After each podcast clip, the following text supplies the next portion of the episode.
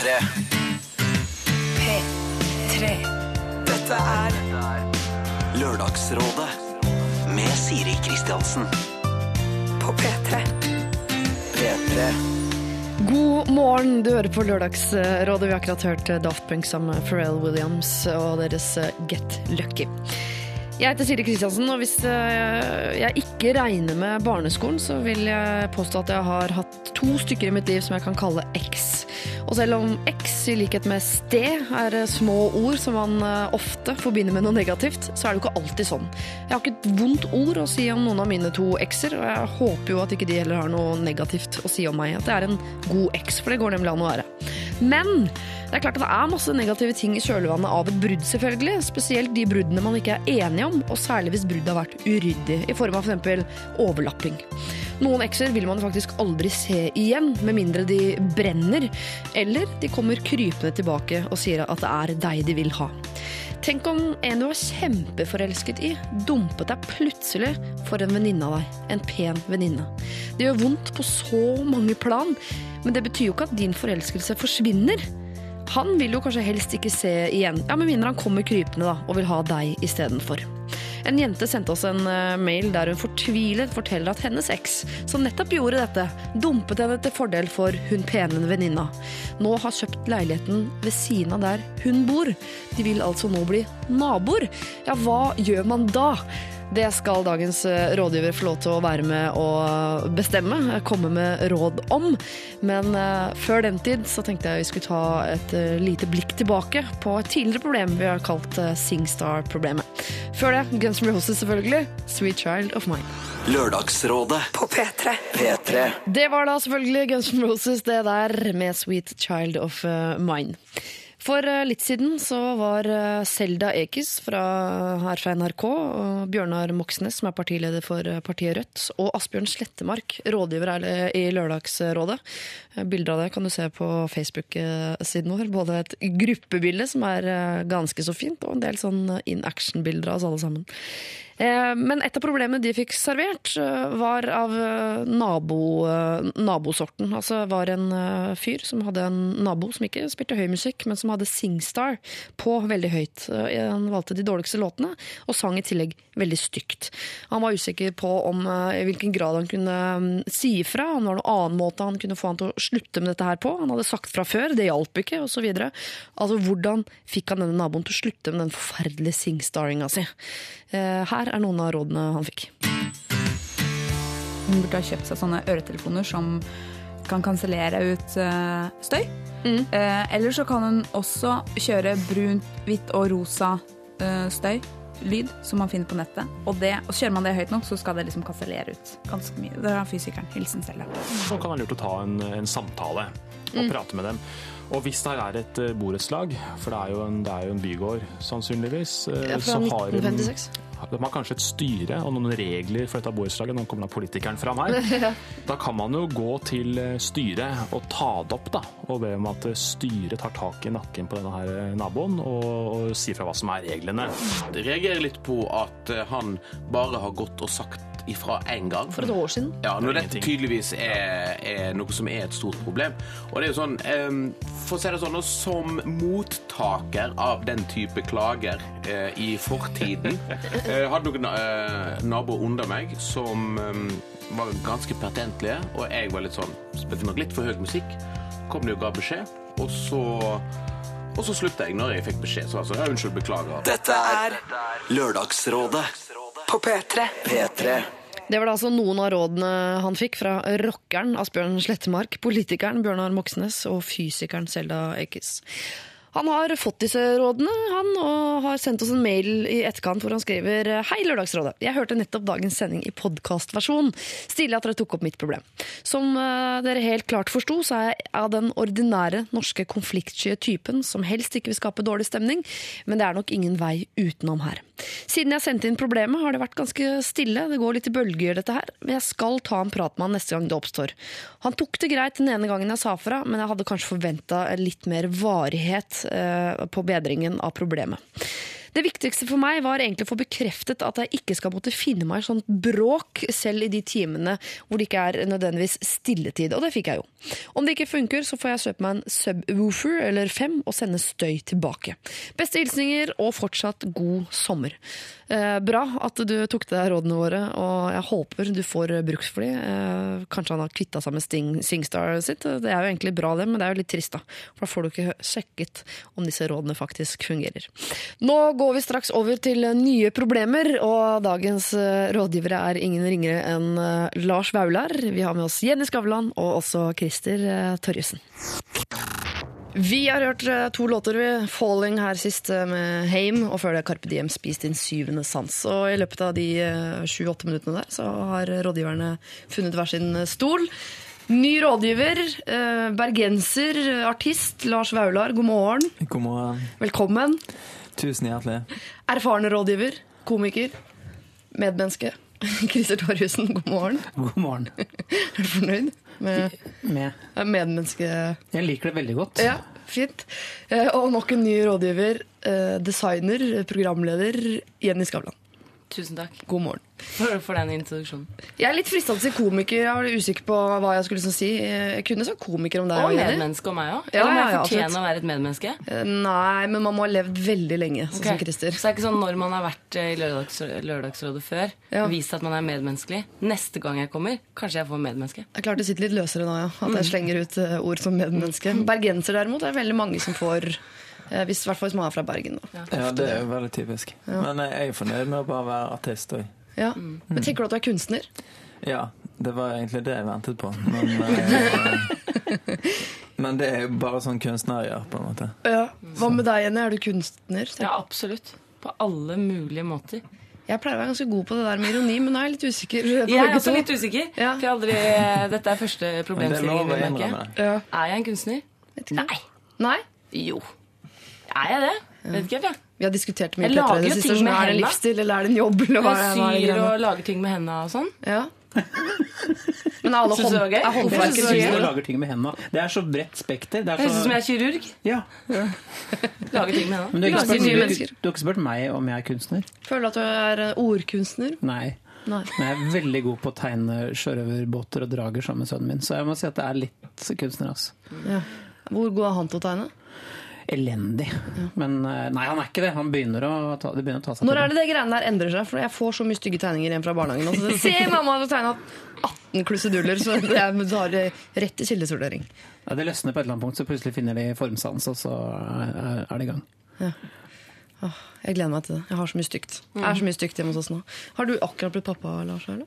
Eh, Det er akkurat et år siden. Det er akkurat et år siden. Har han begynt å tegne?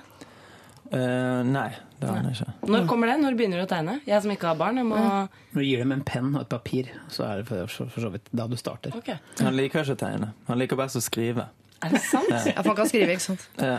Han skrev alle kortene når vi var på ferie. Bra. Vi kan faktisk ta en runde på det, fordi eh, det gjør vi alltid sånn innledningsvis i Lørdagsrådet. Ta en runde på sivil status. Og da vil jeg gjerne at du tar med elementer som bosituasjon, eh, eh, forhold, barn, hytte, eh, hu- husdyr osv. Christer, du kan begynne siden du har gjort dette så mange ganger før. Og jeg håper jo selvfølgelig at ingenting har endret seg. Nei, selv om vi har vært i både Legoland og Dyreparken Kristiansand, så er jeg fremdeles gift. Og det ser jeg på som en prestasjon. Ja. Eh, Og to barn på to og fem. To og fem. Bo, det er hus. Tønsberg. Hus Tønsberg. Ja. Dyr, nei. Eh, Nei, jeg skulle ønske jeg fikk lov til å ha hund, men det har jeg fått blankt nei på. Stemmer, for du er jo liksom pitbull-aktig, så hun er litt redd for barn. Nei! Det er fordi jeg er som ute og reiser, og det er som skal, jeg skal ha enda et krapyl jeg må ta vare på mens du er ute. Og, så jeg skjønner det, men jeg har veldig lyst på. Men du har lyst på pitbull hvis du først skal ha? Nei, ikke dustebikkje. Jeg bare gjetter. Ja ja, Ja, ja, Du ser ikke ut som en labradorgutt, da, for å si det sånn. det er jeg vel. Ja, ok, greit. Labrador. Fint. Du får en labrador til jul. Eh, Lars?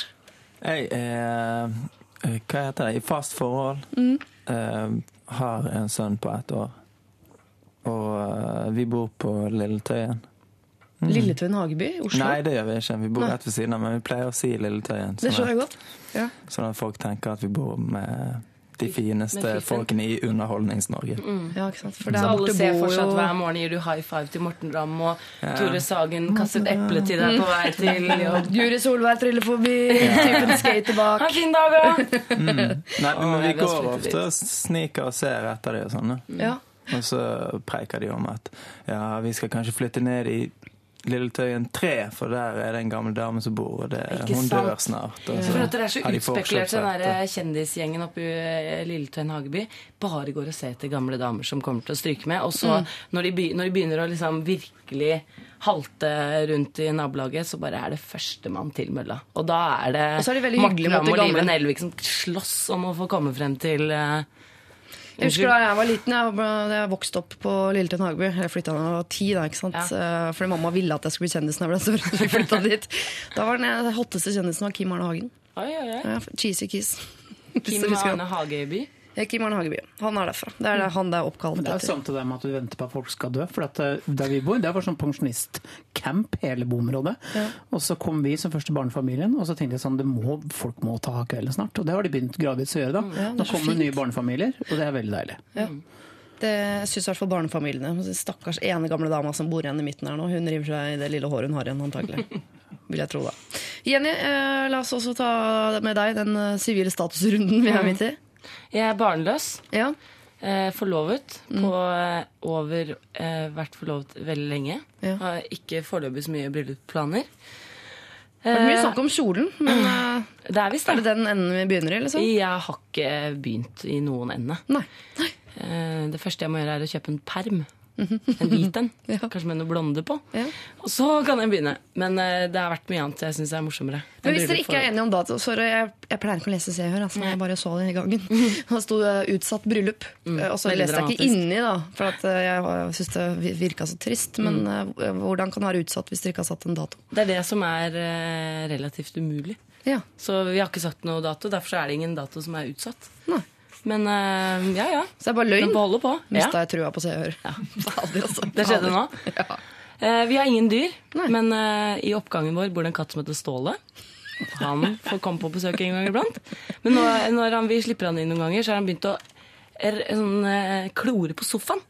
Og det er jo ikke lov. Nei, nei, nei. Så nå er liksom Ståle Vi har prøvd å si til deg Si han, si til han Jeg er i sommermodus, jeg klarer ikke å prate. Vi har prøvd å si Ståle, du kan få lov til å henge her. Det er kjempehyggelig hvis du ikke klorer på sofaen. Ja. Hva gjør han? Klorer på sofaen. Så det er hans skyld at han ikke er mer hos oss. Han får kanskje ikke lov til det hjemme, og tenker at såpass dere, der, vet du. Den sofaen, den er bra. Og så er det lett å tenke at fordi det er en katt og den ikke kan snakke og ikke har hjerne, og de tingene der, så er det derfor. Men du kommer til å ha nøyaktig samme erfaringene når du får barn. Ja. Ståle, ikke klor på sofaen. Hva gjør Ståle? Han klorer på sofaen. Sånn er det i hvert fall hjemme hos oss med min lille Ståle. da, kan du si. Eh, vi skal straks ta eh, morgenens første problem her i Lørdagsrådet, men først en tur innom Swedish House Mafia. P3. Save the World synger de så pompøst og fint Swedish House eh, Mafia. Og vi har jo snakket litt om boligsituasjon. Eh, Christer Torjussen rådgiver eh, bolig, eh, enebolig i Tønsberg. Eh, Lars Vaular liker å påstå at han bor i Lilletøyen Hagemy, men bor i praksis rett utenfor. Eh, et sånn eh, fiffeområde i Oslo blitt. eh, På østkanten. Eller jeg vet ikke om det er øst eller hvor det er, men det er jo litt sånn eh, Det er jo ikke egentlig et fiffestrøk, men så driver eh, kjendisene og fiffer seg til med å bo på et ikke-fiffestrøk. Jeg tror det er det som er koden. Eh, Og Jenny Skavlan, ble vi enige om hvor du bodde? Jeg husker at det var en katt der som het Ståle. Jeg, jeg din. bor på Fredensborg Ja, i en leilighet. type leilighet, ja. ja. Vi skal over en litt mer sånn synkig bosituasjonsproblematikk. Eh, Jeg skal lese mailen. Hei, Lørdagsrådet. Jeg er en jente på 26 år som har et nokså typisk problem i utgangspunktet. Jeg var 20, i et lykkelig forhold med min livs kjærlighet, for så å bli brutalt dumpet to år senere fra en annen jente som var i den samme vennegjengen som oss. Jeg kuttet umiddelbart kontakten med dem begge, siden jeg følte at dette ville lege kjærlighetssorgen min raskere.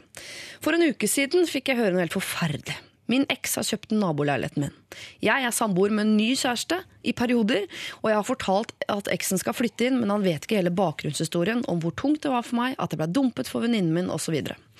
Før bodde han på andre siden av byen, så jeg traff ikke på han så ofte, men nå skal han altså bo i den leiligheten ved siden av meg med sin kjæreste. Ja, hun vakre, som jeg var venninne med for noen år siden. Dette er helt forferdelig for meg, da dette bruddet påvirket meg i så stor grad som det gjorde. Flytting, flytting er ikke et reelt alternativ for meg, men slik som situasjonen har blitt, er jeg nå redd for å stå i timevis i vinduet før jeg i det hele tatt kan gå ut for å få luftet hunden. Tilleggsopplysninger her. Han visste at jeg bodde her før, kjøpte, før han kjøpte leilighet. Da jeg ble dumpa, hang jeg med vennegjengen en liten periode før det ble for vanskelig for meg. Vennene mine pratet ofte om hvor lykkelige de var sammen, og det ble så vanskelig for meg å høre. Jeg vet rett og slett ikke om jeg har følelser for han fortsatt. Jeg tror følelsen i så fall i stor grad er tristhet, sinne og sjalusi for at jeg ble behandlet på den måten, etter det som i min mening var to fine år sammen. Med vennlig hilsen Frida. Uff da. Ja, det er jo Men Jeg tenkte bare sånn flytt, og så sier hun at hun ikke kan flytte. Man blir jo helt sånn mentalt forstyrret bare av å vite at han er i naborommet. Mm. Man trenger ikke se han, og det er liksom sånn Du sletter han på Facebook, da, da kan du i hvert fall ikke sende en ny request, men han er der. Du kan ikke slette han fra naboleiligheten, på en måte. I verste tilfelle men kanskje høre på han og kjæresten ha seg. Ja. Uh, på- Og så begynner du å revurdere det forholdet du har. For da hører du at hun stønner litt høyere, og så blir det en sånn uff a meg. Og hun bor bare litt sånn av og på sammen med kjæresten sin, for han er i offshorebransjen, så han kommer og går litt. Så hun kommer til å tenke sånn De er sammen hver dag. Her sitter jeg med bikkja. Der er han med en ny dame. Hva gjør man? Jeg syns hun må bare ta seg sammen. Jeg. Og det er hun som må ta seg sammen? Ja. Komme over, liksom? eller? Ja, for hun kan jo ikke stoppe at han eh, Riktignok eh, han andre fyren, at han flytter inn. Det er jo litt frekt, på en måte. Men hun kan jo ikke stoppe han. Hun kan ikke nekte han. Nei, jeg Det er, hun, det er hun som har et problem, på en måte. Det er hun som må ta, eh, ta tak. Så kan hun også Ja. dressere en hund til å bjeffe på folk. Det er mulig, har jeg lest i KK. Ja. Men i hvilken grad hjelper det, og hvem Nei, jeg tenker kanskje bare sånn, ok, hvis hun skulle komme til å møte på den i, i oppgangen, så er det wo, wo, wo, wo, og så ikke si noe, gå forbi. Jeg vet ikke om det er en løsning, men kanskje føles litt bra. Jeg tenker kanskje hun kan snu på en måte det at hun Det virker som at hun er liksom fortvila og trist og ser for seg på en måte dette scenarioet. Men å snu det til å bare tenke at for en dust som flytter inn der. Altså sånn eh, Hvis de er i felles vennegjeng, så er det jo mye prat. Og det er sikkert mye prat bak ryggen hennes og at folk har sagt Altså hvis folk har sagt til henne ja, de er så lykkelige sammen, sånn, så har sikkert folk sagt til han nå er hun så nede. Sist vi møtte henne, vi kjente henne ikke igjen. hun var helt... Så han vet helt sikkert hvor jævlig hun har hatt det. Ja. Og heller tenke jeg er glad jeg ikke er sammen med en sånn tulling som flytter inn i naboleiligheten til en han vet at har vært så lei seg. da. Ja. Det er sånn råd man ofte får. at må, Hvis det er en som har behandla deg dårlig, så skal du se på vedkommende som en dust. Men hun sier jo til meg at ah, jeg vet ikke om jeg har følelser for han ennå. I så fall er det Ja, tristhet og sjalusi. Ja, men det er jo noe er som svak. ligger der. Hun er veldig svak, altså. Veldig svak eh, jente. Men er ikke han litt svak òg? Han Han, jo- vet at hun er fremdeles forelsket. Han har lyst til å kunne gå ut i gangen og ha naboen som er litt sånn gud. Han vil ha to damer som er keen på seg selv innenfor eh, noen, et visst antall kvadratmeter. Da. Han er- Han liker tanken på at liksom Ja. Hun i naboleiligheten har hypp meg, hun jeg bor sammen med, er hypp meg. Han Jeg er tror det er, så, at det er så gjennomtenkt at, ikke det, bare, at det kan hende at den leiligheten var fryktelig fin. da. Ja, det kan òg være. Men han må iallfall ha tenkt igjennom at eh, dette er en strek jeg tråkker over. Men på en måte. har det ikke noe som, hva heter det i psykologien? Er det sånn, ikke, ikke tvungen terapi, men det er sånn at du går, du konfronterer deg med Ja. noe du egentlig ikke vil. Hva heter, hva heter det? Å konfrontere noe du Det er en, er fase i Men jeg, AA-hierarkiet. jeg tror jo at det er Som du sier eh, at eh, jeg tror altså, Hvis hun tar seg sammen, så vil det bli en, en vanesak over tid. Da. For at Hvis det er helt uaktuelt å flytte for begge parter, så må jeg egentlig bare på sett og vis deale med det. Men det er jo vanskelig. Jeg skal ikke kimse av det. Men hvordan skulle hun deale med For vi er helt enige om sånn eh, Han har kjøpt den leiligheten, og det har han rett til. Han kommer til å bli bonde, hun kommer til å bli bonde. Ergo de er naboer herfra nå og utover. Hvordan, altså På en vanlig tirsdag, liksom, hvordan skal hun eh, hva skal hun si hvis hun møter han da, for eksempel? Helt sånn praktisk. Hun møter han i bakgården for første gang. Hun med hund, han med dame.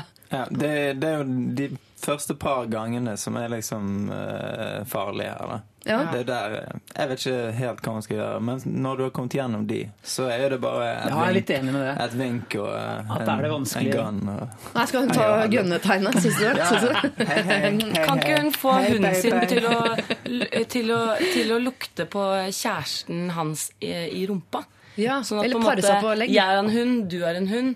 Eh, kanskje de skulle leke sammen en dag. Det er bra. To Det er sånn- tisper i en sånn liten bakgård. Hersketeknikk. Ja, ikke sant? At man alltid bikkja går rett i skrittet på en annen Ja. dame. ja, der kommer du med tispa di. Ja, og så sier, med si med hunden sånn ja, men Rart at den gjør aldri det med noen andre. Nei. Nei, Må lukter Bare veldig deg. vondt.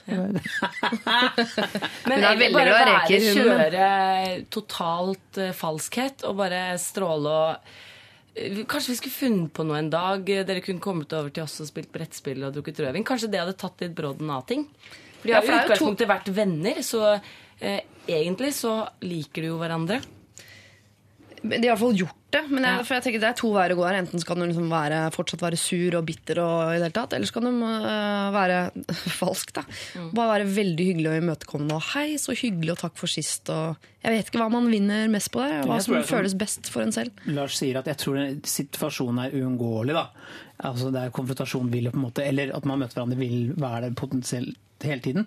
At man kanskje bare må jeg vet ikke. Hvor, hvor lenge klarer man å være sånn der, bare stråle og late som, for å så gå i dusjen og, og Skrubbe, gaffel Men øh. hvor lenge klarer man det, liksom? Det er, når er det det går over? Altså, man kommer jo alltid til å være litt sånn nervøs når man skal ut. Og passe på at eh, håret er fint og Altså, det er jo slitsomt. Ja, ja. Det blir jo som å bo på et, i et hipt strøk, hvor man må liksom pynte seg for å gå på 7-Eleven. Hvordan er det? er, Hvordan er det, Lars? Det er sånn der uh, Lime. Det er det butikken heter. Lime. Lime, Det er ikke 7-Eleven. Eh, men eh, det jeg tenkte at hun uh, kan gjøre, er jo å bare ta, eh, ta tyren med hornene Mm. og si ja, dette var jo jævla kult, da. Ja. Dere har jo faktisk bare flyttet her. Føler dere dere er jævlig fete nå, liksom? Er, det, er dette et sånt Ja, og så- psykologisk eksperiment, eller hva skjer? Liksom? Hvor er kamera? Med veldig ironisk Ja. distanse.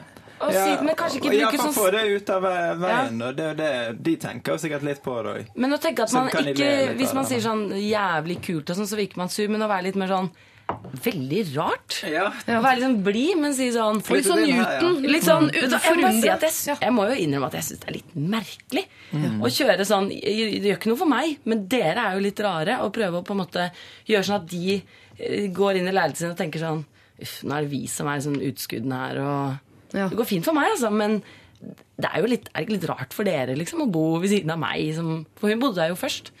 Ja, han gjorde. Men det er ingen som ønsker å være helt ærlig og si sånn Dette syns jeg faktisk er litt vanskelig og vondt. Eh, nå har jeg hatt det tøft i fem år. Nei da, nei. Hvis hun Det hadde vært jævlig kult hvis hun gjorde Så virkelig sånn bryter sammen. Sånn at de føler at nå må vi faktisk trøste henne, og de må liksom Og, gr og stein, saks, papir gråte om hvem som skal gi klem. høyt gjennom veggen, sånn at de etter hvert bare flytter ut. Ja. Hun kan grinepule. Det kan hun gjøre. Ja. Ja, for hun har jo en ny kjæreste. Er han en brikke i dette Jeg kaller det et spill, jeg. Ja. skal hun passe på at han selvfølgelig er med i sånn offshore-kostyme. Vi vet jo ikke hvordan han, hvordan olje på han, henda, Ja. komme hjem. vi vet jo ikke hvordan han tenker om situasjonen. Han er sikkert på alle måter informert om det. Det må han jo bli. Han kan ikke skjermes Nei. mot uh, intrigen. Men uh, jeg tenker at han Jeg syns jo det er han det er verst for. Er det det? Ja. Fordi Fordi at uh, han er jo sammen med hun som egentlig ikke vil ha han. Hun er forelsket i han uh, eksen som har flyttet inn Eller i han siden. Drittsekken som har nå Men tror du hun er forelska ennå? Tror du det? Usikker det skriver at hun nesten er det, så oh, ja. må jo det være, bety at hun er det. Ja, Det er i hvert fall noen følelser som ligger under. Det er jo ikke helt sånn avklart, det bruddet, er føler en jeg. følelse, det òg. Ja, Men kanskje-.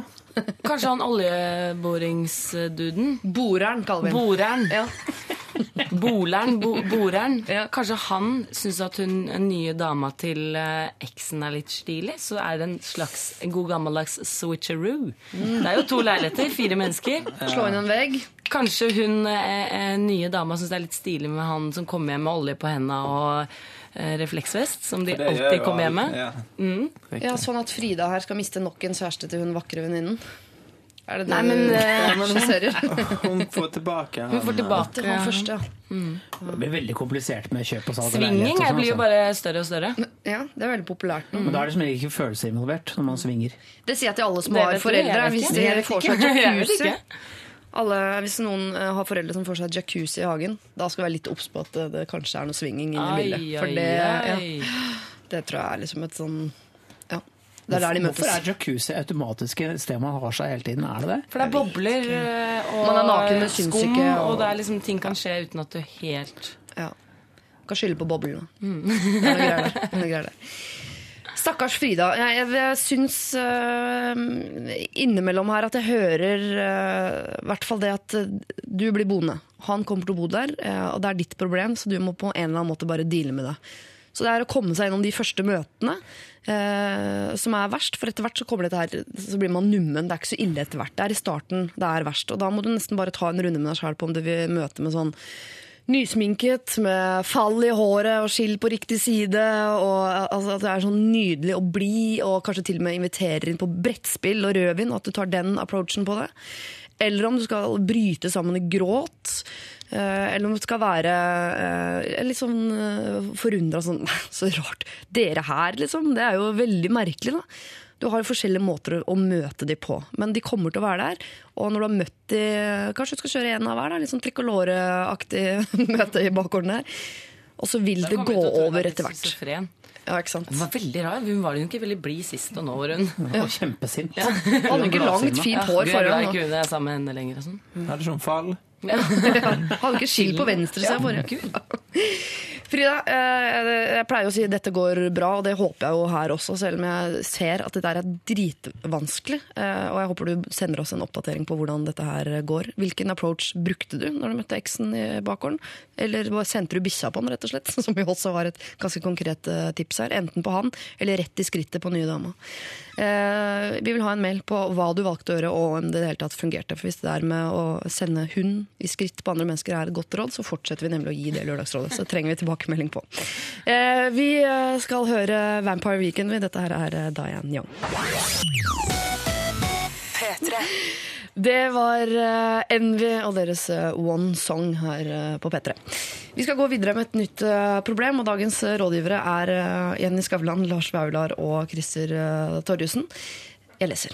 Hei, Lørdagsrådet. Jeg giftet meg for tre år siden, og dessverre endte dette i et samlivsbrudd i vinter, altså etter to og et halvt års ekteskap. Det har kommet meg for øre via omveier at flere av bryllupsgjestene mener at vi burde levere tilbake gavene de ga oss, siden ekteskapet endte etter såpass kort tid. Det er visstnok noen venner og perifer familie som har reist dette spørsmålet. Nå skal det sies at forholdet har jo vart i elleve år og har resultert i to barn, hus og alt som hører med. Og samlivsbruddet har vært hardt og vondt, og vi har hatt nok med å fordele og rydde opp i alle personlige ting mellom oss. Jeg har ikke hatt i mine tanker å skulle returnere bryllupsgaver i denne sammenheng. Hva syns dere i Lørdagsrådet? Burde jeg, eh, eller vi, ta kontakt med bryllupsgjesten og tilby oss å returnere gaver, siden ekteskapet jo feilet? Eller skal jeg be dem drite og dra og ta hensyn til at vi er i en vanskelig livssituasjon? Hilsen fra tvilende jente 33. Du skal be dem drite og dra. Ja. Og siden de er familie, så kommer de alltid til å være i familie uansett. Og de som er venner, de, eh, ja, de kan bare ha det så godt. Eh, Men eh, hun bruker jo all energien sin på dette lille problemet her, som sikkert bare er noen som har sagt altså, Det er sikkert veldig overdrevet at eh, det er noen som vil ha gavene tilbake. Kanskje det, det er en spøk som har Ja, jeg tenker det må være en spøk. spøk. Altså sånn, Ja. Fins sånne folk? Ja, ikke sant? Og vi må ha de i bryllupet sitt, tenker Ja. jeg. Ja. Liksom, tenk om noen dør tidlig, så er det sånn vi skal ha tilbake bursdagsgavene vi, fra de siste fem år. Fordi Det var litt Du døde jo, så hva skal du med dem? Men eh, eh, altså, Det kan hende det var en spøk, men i så fall så er det flere som har spøkt med det samme. i det hele tatt. Men bare det at det hele tatt har vært Det pleier jeg ofte å si etter en dårlig spøk. Det at du hele tatt tenker tanken, betyr at du et eller annet sted i kroppen din mener det, eller i hvert fall har vært inne på. Så noen har tenkt tanken. Returner bryllupsgavene. Dere feila ekteskapet. Jeg vil ha tilbake. Det er sausenebbe. ja. Jeg tenker at da, bom, da har man det altfor bra, da, når man klarer å lire av seg og si at nå har vi vært så storsinna og gitt dere presanger, og så går dere fra hverandre. Hva, er det? Det er jo, det er jo det er helt uhørt. Jeg, jeg, jeg klarer ikke nesten å kommentere det her. jeg. Syns det er Jeg ville jeg ville bare tenkt dratt til helvete, liksom. Eller Pepperen gror, eller et annet sted. Ja. Men skal hun si det? Skal hun konfrontere det? For altså, Den saken her forsvinner jo med tiden uansett. Jeg tror hun skal la den bare forsvinne. Hvis hun kommenterer den, så hvem blir det er. det Hvis hun virkelig ikke liker dem fra før, så kan hun Mm. på en måte bruke dette til en god anledning til å bare kvitte seg helt ja, dem. plante, Det var sikkert ikke fine gaver heller. Nei. Sikkert sånn Sikkert noe drit. De har sikkert dårlig smak. Jo. Men de har jo invitert dem i bryllupet da, for eh, tre år siden, så kan du ikke Ja, men folk har dårlig smak selv om de inviterte bryllup. Ja, og de visste jo sikkert at de kom til å slå opp. Så Antakeligvis. det er sikkert derfor de inviterte dem. Er det, ingen, det er ingen som kjenner på en litt sånn hevngjerrighet i seg, som vet at eh, disse menneskene som har sagt dette, antageligvis kommer til å ha en bursdag eller en konfirmasjon eller noe lignende i nær fremtid? At det går an å, å Regifte. ja, regifte eller pakke inn, altså, pakke inn I hvert fall til liksom. nå, hvis det er eh, et litt kjedelig forhold til eh, da tidligere svigers, Mm. så er jo det hvis du er en forferdelig eks-svigermor som kanskje har satt i gang dette her, så kan du jo alltid gi henne en ganske skittent uh, sausenebb eh, i sånn- 75-årsgave. Liksom regnskap på det. Altså Din gave, eh, deres gave kosta 899 kroner. Kuvertprisen per person i vårt bryllup var med mat og drikke. Tralalala. Sette regnestykket opp mot hverandre. Altså Hvis de virkelig mener det. Så er det de som skylder dem det vil si at vi, jeg har fremdeles 33 kroner til gode hos deg. Ja. Mm. Bare, tusen takk. Jeg tar det. Send ut faktura vært på litt det. morsomt, da. Ikke sant? Ja. Eller kan man Jeg tenker at jeg kanskje ville ha returnert det sausnebbet, da, men at jeg da hadde da penslet det på innsiden med sånn tynt lag med sæd, f.eks. Som ikke syns. Og du vet at neste gang de har eh, saus til potetene sine, så vet du at hele familien drikker din eksmanns sæd. Jeg Er liker den ideen kanskje best. Mm, Veldig moden. Er, jeg skulle til å spørre, er du pubertalt, skulle jeg spørre, men da spør jeg ikke om det. Nei. Det var, jeg bare, det var min første tanke, men det sier vel kanskje mer om meg. Jeg vet ikke. Eh, nei, men det er ingen som mener altså han skal returnere gaver. Nei. Eller ta dette opp. Nei, Eh, virkelig ikke. Hun kan, det er jo òg gøy å starte krangel med å komme og returnere gaven og være veldig sur. Det er jo en god måte å starte en krangel på. Hvis man ønsker en krangel, ja. Men Ja. kan det Ja. også en måte å slutte å krangle på? For hun har sikkert mye vanskelig med dette som nå er eksmannen hennes. Dette kan jo være en mulighet at de, jo, men at de kan møtes igjen og få andre, ikke hverandre som fiende, men en felles fiende i familien. Si sånn, faen, han har aldri likt han onkelen din. Nei, ikke jeg heller. Så begynner de å prate litt, og så drikker de litt vin, også. At de kanskje kan bruke det til å Komme sammen igjen. Bli gift igjen. Ja. Ny runde med gaver. Kanskje det rett og slett er noen veldig godsinnede sjeler i familien som har lagt denne planen for å få de sammen igjen. Oh, det kan Det er veldig utspekulert. Eh, Veldig lang vei å gå, føler jeg. Men uh, Ja, ja men uh, det, av og til må du gjøre det sånn. Ja. De har bare planta et frø, det er ikke vanskelig. vet du. Altså, kanskje det blir en gulrot, kanskje ikke. Ah, tvilende jente 33. Du skal på ingen som helst måte returnere eh, bryllupsgavene, med mindre du ønsker å starte en krangel. og Da står du med sausenebb i hånda og fyrer deg opp noe ordentlig. Bruk det gjerne til å komme i god dialog med eksmannen din. Eh, Jeg mener jo at du skal glasere ting med sæd og returnere det. men, men det må du jo ta stilling til selv. Men det jeg synes i jeg hører er konsensus i, i rådgiverne her nå, er at eh, be dem drite og dra. Du skal selvfølgelig ikke returnere bryllupsgaver. Herregud. Ah. Send inn dine problemer til oss, altså. LRalfagrøll.nrk.no LR-alfagrøll.nrk.no er adressen eh, du bruker. Vi skal høre Frank Turner. Dette her er eh, Recovery. P3 Lørdagsrådet. på P3. Bastil var det, og deres Pompeii, og før det Truls med The Next. Lørdagsrådet hører du på. I dag eh, så har vi to nye rådgivere og en erfaren. Den erfarne er deg, Christer Torjussen. Mhm. Du sitter litt mer sånn tilbakelent i stolen enn de to andre. Eh, Lars Vaular og Jenny Skavlan. Åssen syns dere det går? Eh, fint. Var det sånn du trodde? Gøyere, kanskje. Lettere å prate. Oh, ja. Mm. ja, ja. Er du mest fornøyd med deg eller med Lars? Eh, jeg liker at Lars er litt mer sånn eh, At han lar oss liksom rase fra seg, lener seg litt tilbake, og så kommer han med det motsatte, gjerne. Det liker jeg. Ja. Og så kjefter han litt på folk. Han Jørgen sånn Strikkert-grepet kaller vi det her. de skal skjerpe seg. Det liker jeg at han sier. Han ber folk om å skjerpe seg, og jeg liker folk som ber folk om å skjerpe seg. Ja, eller Det er veldig dra. enkelt å gjøre det. Mm. Ja. Det er veldig tilfredsstillende. Ja, vi er sånn, Å, stakkar, stakkar. Jeg syns du skal skjerpe seg. Da blir han liksom kald og kul. Gjerne rapper. Ja. vi andre går litt rundt grøten, mens Lars hopper i det. det jeg liker det. Står midt oppi grøten. Ja. Det- Kaver en smørklatt. Jeg skal prøve å være mer konsekvent, jeg også nå. Prøve å tøffe meg litt. Jeg skal også prøve å være litt mer eh, Jeg er klar for neste problemstilling. kritisk. Jeg er så klar. Finn pitbullen og videre. er veldig imponert over når du oppsummerer. Tusen takk. Det er veldig bra. Ja. Eh, eh, dere kommer til å erfare at eh, jeg jo oppsummerer veldig ofte det jeg selv syns er det beste rådet, som jo veldig ofte igjen er mitt eget. Eh, men det er sånn man hører med tiden.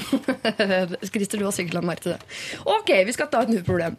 Jeg er en jente i midten av 20-åra med en flott samboer, en jobb jeg liker og fantastiske venner. Vennegjengen min er stor og inkluderende, og vi finner på veldig mye sammen.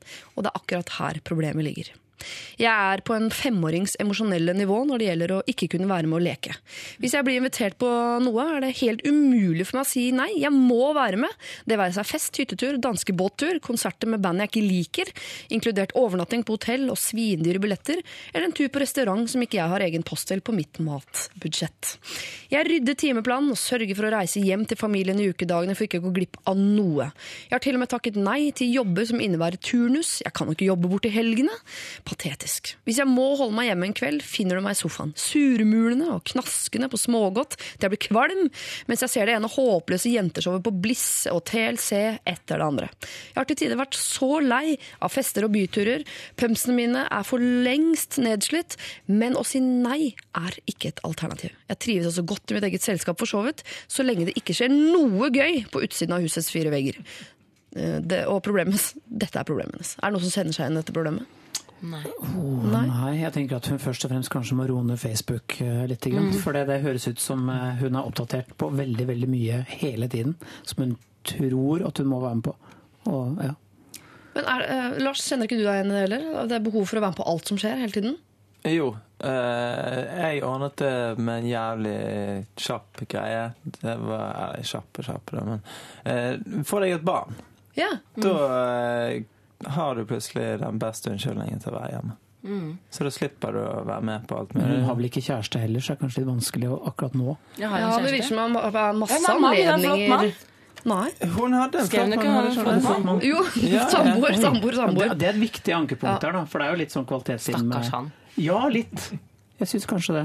Hvis hun følte med å løpe på byen hele tiden for Men jeg, jeg var sammen med en jente som, som hun, hun, Hvis vi hadde vært ute på et sted, så kunne hun ikke bare gå derfra. Hun måtte si ha det til alle som var der, for hun var så redd for at hun baksnakka. For tenkte sånn, Hvis jeg bare går nå, så sier de 'Å, fy, var så jævlig'. Så, Å, tok smygeren. Mm, Ah, det var kult. sånn, jeg måtte stå, jeg utafor og bare røyka en 20-pakning mens hun var inne og sa ha det til absolutt alle. Det var dritkjedelig. Og det er, det er, jeg tror det ligger en slags nevrose bak hele den atferden der. Men er det jente veldig jentete, eller? Det fins ikke gutter som er sånn, men for henne er jo dette et problem. Ikke sant? Så man skal ikke kimse av det heller. Men jeg tenker at hvordan skal man få Hva het hun? Er det navn? Det sier hun ikke. Nei, ok, sier hun ikke. Eh, Jeg tenker kanskje at det er ikke så viktig som du tror å være til stede hele tiden. Nei, men fordi det er sånn, Jeg kan kjenne meg inn i det, men da var jeg kanskje sånn fra 15 til 25 og er livredd for å gå glipp av noe som helst. Men hun sier jo at hun også er på åtteårsstadiet. Det er veldig- Hun har jo selvinnsikt. Ja. Absolutt, men hvordan skal hun komme forbi selvinnsikten og få det ut i praksis? Altså Å kunne være hjemme og være komfortabel med det, selv om det er en eller annen fest et eller annet sted på jordkloden. Eh, Et problem hun har, er jo at hun må se på eh, de her dårlige TV-seriene på Bliss.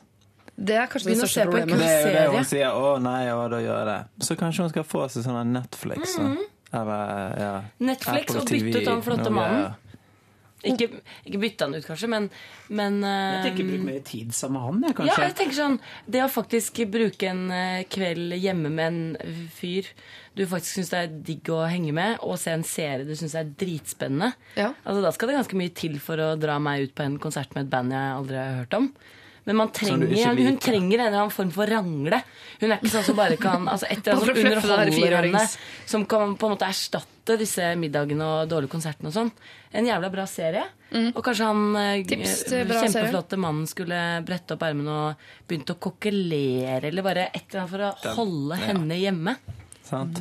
Bytte ut det dårlige smågodt og. Bliss-serien med noe kokt ja. kraft og, og Breaking Det kan også hende at han, den flotte mannen er liksom tiltaksløs også. Ikke sant? At han, hvis han også setter inn et gir ekstra, så kan de hygge seg sammen. Og hvis man hygger seg sammen på tampen av kvelden Man vet aldri, altså. Kan sant? bli veldig hyggelig. Kanskje det til og med Det, kan, det er vel rom for at det kan skje mer på hjemmefronten enn enn ute, egentlig. Sånn hvis vi legger Men er hun mye utro?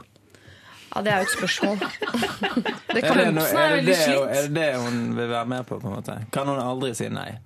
Altså, Den siden har ikke jeg tenkt på. Hvis hun aldri kan si nei til noe, ja. så er hun en fryktelig dårlig kjæreste. Da Da tror jeg hun skal holde seg i hvert fall mer hjemme og begynne å koke ting fra Ja. bånn av. Jeg er et eh, godt tips. Altså, begynne å, å lage mat som du kan lage kraft på, sånn at du kan lage en annen mat dagen etter. Sånn. Bli sånn matnerd. Og så må du se bedre serier. Sånn at ikke det virker som uh, du kaster bort tida når du ser på TV. For det er altså god TV som ikke er bortkasta tid, som du kan gjøre når du er hjemme. Og så tror jeg det der med å få seg et barn er veldig konkret, for da er det ikke et uh, alternativ å drive og dra ut hele tiden. Og være litt hard to get i forhold til denne gjengen sin. Altså, hun syns jo det er verdens beste gjeng. Men øh, kanskje de har godt av å savne henne litt. At, du, at eh, på, måte Det er jo som et eh, kjærlighetsforhold du har til vennegjengen din. Og faktisk være litt sånn hard to get. At folk blir sånn åh, det er lenge siden hun har vært med oss ut, og nå gleder vi oss og sånn, istedenfor at hun alltid selvfølgelig er med ut. da At hun kanskje synes Sa det hun at pømsene var nedslitt? Sa Ja, hun det? Jeg har tenkt veldig mye på det. Ja, Eller hvordan hun De går. bare ligger der og er nedslitt. Men er, er pumps går, går man med det? Og det skal ganske mye til for å slite ned pumps, egentlig. Så jeg, jeg Er de lurer på hvordan gangen hun har. på en måte? Og vinteren, altså, mine er helt skrapa det òg, liksom. Jeg vet, bare, Det er et veldig fint bilde av hvor eh, sosialt aktiv hun er.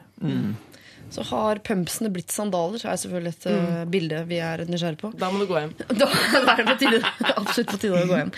Men så, eh, du kan, jeg bare, Det der matgreiene, at hun rett og slett skal eh, passe seg for å ikke bli poteten i gjengen, som er sånn som, eh, som alltid er med, men det er aldri det beste på tallerkenen. Men det er sant? med, liksom. Kanskje du skal bli litt mer biff, rett og slett. Sånn som er litt sånn innimellom og egentlig for dyrt, men uh, Spare opp energien sin og sånn. Når man virkelig Merker jeg selv òg, hvis det skjer veldig, veldig mye på kort tid, så på en måte man er med, men man på en måte bare er med for å være med. Men hvis, det har gått, hvis man har vært bortreist eller har vært opptatt med jobb, eller noe, og så kommer den kvelden du har gledet deg til Du vet at alle de andre har gjort mye de siste ukene. Så har man liksom et ekstra gir, og man rekker å prate mer med folk om mer interessante ting. og Det blir ikke en sånn evig smørje av um... Det hun kan trøste seg med, at det er veldig sånn fasebetont, dette her. For det, er viss, det er en viss fase av livet hvor det er veldig viktig å være til stede og være sammen med og sånne ting. Og etter hvert, når du begynner å liksom bli litt eldre, så lærer du på etter hvert du bare gi så faen, og det er så deilig. Og ikke syns Altså ting som du syns var kjempeviktig for ti år tilbake, er liksom borte. Eh, I hvert fall når man har fått barn. så er det sånn, det, altså For det første har du ikke tid eller sjans, men andre prioriteringer altså Det her vil på sikt dempe seg. da. For så frenetisk som hun er nå, det kan hun ikke være om ti år. Så Det er sånn litt som et eh, sår som gror, en sykdom som går over gradvis, tror jeg. Ja, så kanskje man skal si også, kanskje hun bare skal kose seg med det nå mens hun har muligheten. Ikke Ikke, sant? problematisere det så Kjøp ny nye pumps og go for it, men det, det kommer til å stabilisere seg. Altså skaff deg Netflix, uh, skaff deg bedre pumps. eh, og ta også, skaff deg en bedre mann. Det betyr ikke at du skal ha en ny en, men ta så og fluffe opp han litt, sånn at han eh, kan lage noe mat fra bånn av. Sånn at den tiden du tror du kaster bort hjemme, som jeg er helt enig i hvis du ligger og knasker smågodt og ser på Bliss, den kan du bytte ut med noe, noe bedre mat og en bedre TV-serie. Og så tenk litt på at uh, vennene kan få muligheten til å savne deg litt. At du også kan få mulighet til å savne de, så kanskje den der festen om uh, to uker blir enda kulere enn hvis du har vært sammen med de hver eneste dag fram mot den festen. Lykke til! Lørdagsrådet På P3. P3 The Prodigy og en låt vi vel eh, strengt talt sånn eh, ikke burde spille i Lørdagsrådet. Hvis man tenker innhold, da. Smack my bitch up. eh, passer jo ikke sånn veldig tematisk her i Lørdagsrådet. Men vi er villige til å overse det. Vi snakket litt om mat. Jenny Skavlan, Lars Vaular og Christer Torjussen. og vi skal holde oss der. For det er en som spør. Hei, jeg har et lite problem. Jeg er veldig sensitiv for matlyder. Jeg hater å sitte og høre at familien min spiser. De lager så ekle og høylytte lyder. Jeg spiser opp fort og kommer meg vekk. Helst vil jeg spise alene. Jeg har ikke dette problemet like ofte når jeg spiser med andre. Det er verst med familien. Har dere noen råd til hvordan jeg kan komme over dette og spise sammen med dem uten å bli irritert? Ja, jeg tror jeg har råd. Da er du lei av familien din, nå må du flytte ut. Eh, tror jeg. Jeg tror, det er, jeg tror det ikke har noe med lyden å gjøre, det har med personen å gjøre. Jeg jeg har også sittet og tenkt er det mulig, liksom? Men det er bare fordi jeg da eventuelt jeg har eh, fått nok av det mennesket, eller menneskene. Eh, så med spørsmålet om dette er en familiemiddag en gang i uka, eller hva det er. Eller om man, men har man et betent forhold til folk, så er alt irriterende, da. Ja. I hvert fall når du begynner å fokusere på den ene du mener lager den høyeste lyden rundt bordet, og det som oftest da er mor, f.eks., eksempel, så blir hun jævlig irriterende. da. Men, så du mener at det er et familieproblem, er ikke et mat? Ja, det er som oftest mor. Noen svelger høyere enn andre. De gjør det. Og Det er noen noen som og smatter og sånne ting. Og Og det er noen klart, lager sånne nytelseslyder underveis. Mm, ja, mm. Er ikke det greit heller, nei? Spørs hvem det er. Det, Det blir sånn. Er du nyforelska, så kan den personen grynte i seg et måltid, og du syns det er kjempesjarmerende.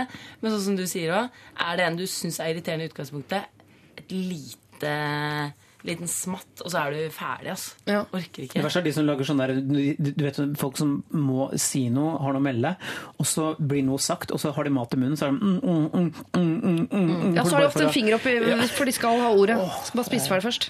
Men det, det, er- altså, middagsbordet er jo eh, en, en arena for, for eh, sånne ting. Da, ikke sant? Da sitter man jo tett på folk man stort sett kjenner Det er irriterende å spise middag Ja. med familien. Mener du Det er det? et minefelt. Nei, jeg følte det var det du Ja, sa. det er, det er det, for det er alltid en du sitter og tenker sånn ja, så er det sånn vi spiser. Mm, mm. Og så skal man tenke jeg skal ikke være han dumme som irriterer seg, men så kan den lyden bare overst... Hva heter det? eh, overstyre alt. Ja. Nei, Jeg skjønner helt hva du mener, Christer, men nå kommer jo vi ikke fra uh, lysrosa familier, noen av oss. Vi kommer, Jeg har jo gravd oss ut av hvert vårt hull under bakken. Åssen mm. uh, er det i Skavlan-familien? Vi, vi lager faktisk ikke så mye lyd når vi spiser, altså. Ingen av dere? Nei. Så det er ikke så mye irritasjon Eller, rundt bordet? fa- Faren min kan bli kjempeirritert eh, hvis vi spiser eple og sånn. Noe som lager uh, lyd uansett om du har vokst opp i et høl under bakken eller hos Skavlan borte på Frogner. Ja. Men uh, det er ikke så mye Jeg kan liksom ikke helt eh, huske at jeg har vært Hør etter neste gang. Vet, du, alltid, man har alltid et familiemedlem som har mye mat i munnen, som lager lyden her. Ja, det er sant. Det kjenner jeg pust. Men er Det, det, er- det er bedre enn smatting, men fremdeles litt irriterende. Det er ingen i din familie som du irriterer deg over, som bruker mye lyd? Eh, Jeg husker eh, i, for mange mange år siden så irriterte meg over at min far smattet, ja, smattet høyt av og til. Hva, har du gjort noe drastisk for å gå til verks der? Nei. Flytta hjemmefra? Eh, ja, nå tenker jeg ikke på det lenger. Men han spiser sikkert på helt samme måten. Jeg tror ikke, jeg tror ikke det har skjedd noe med kjeven hans eh, de siste 15 Kanskje man syns det er verre når det er familie, for man tenker at er det dette jeg kommer fra? Er jeg en del er genetisk sett? eh, Er jeg en del av denne smattende Og er det noen andre, så er det liksom sånn Å jøss, du smatta, men det der har ikke noe med meg å gjøre. Det er sikkert, det, sånn er sikkert din familie når dere kaster dere over tacoen og slurper og raper i dere eh, guacamolen. Guacamolen, som jeg Jeg sier. jeg har faktisk et litt konstruktivt tips. Eh, sov eh, en time ekstra, eh, vær uthvilt og vær i godt humør.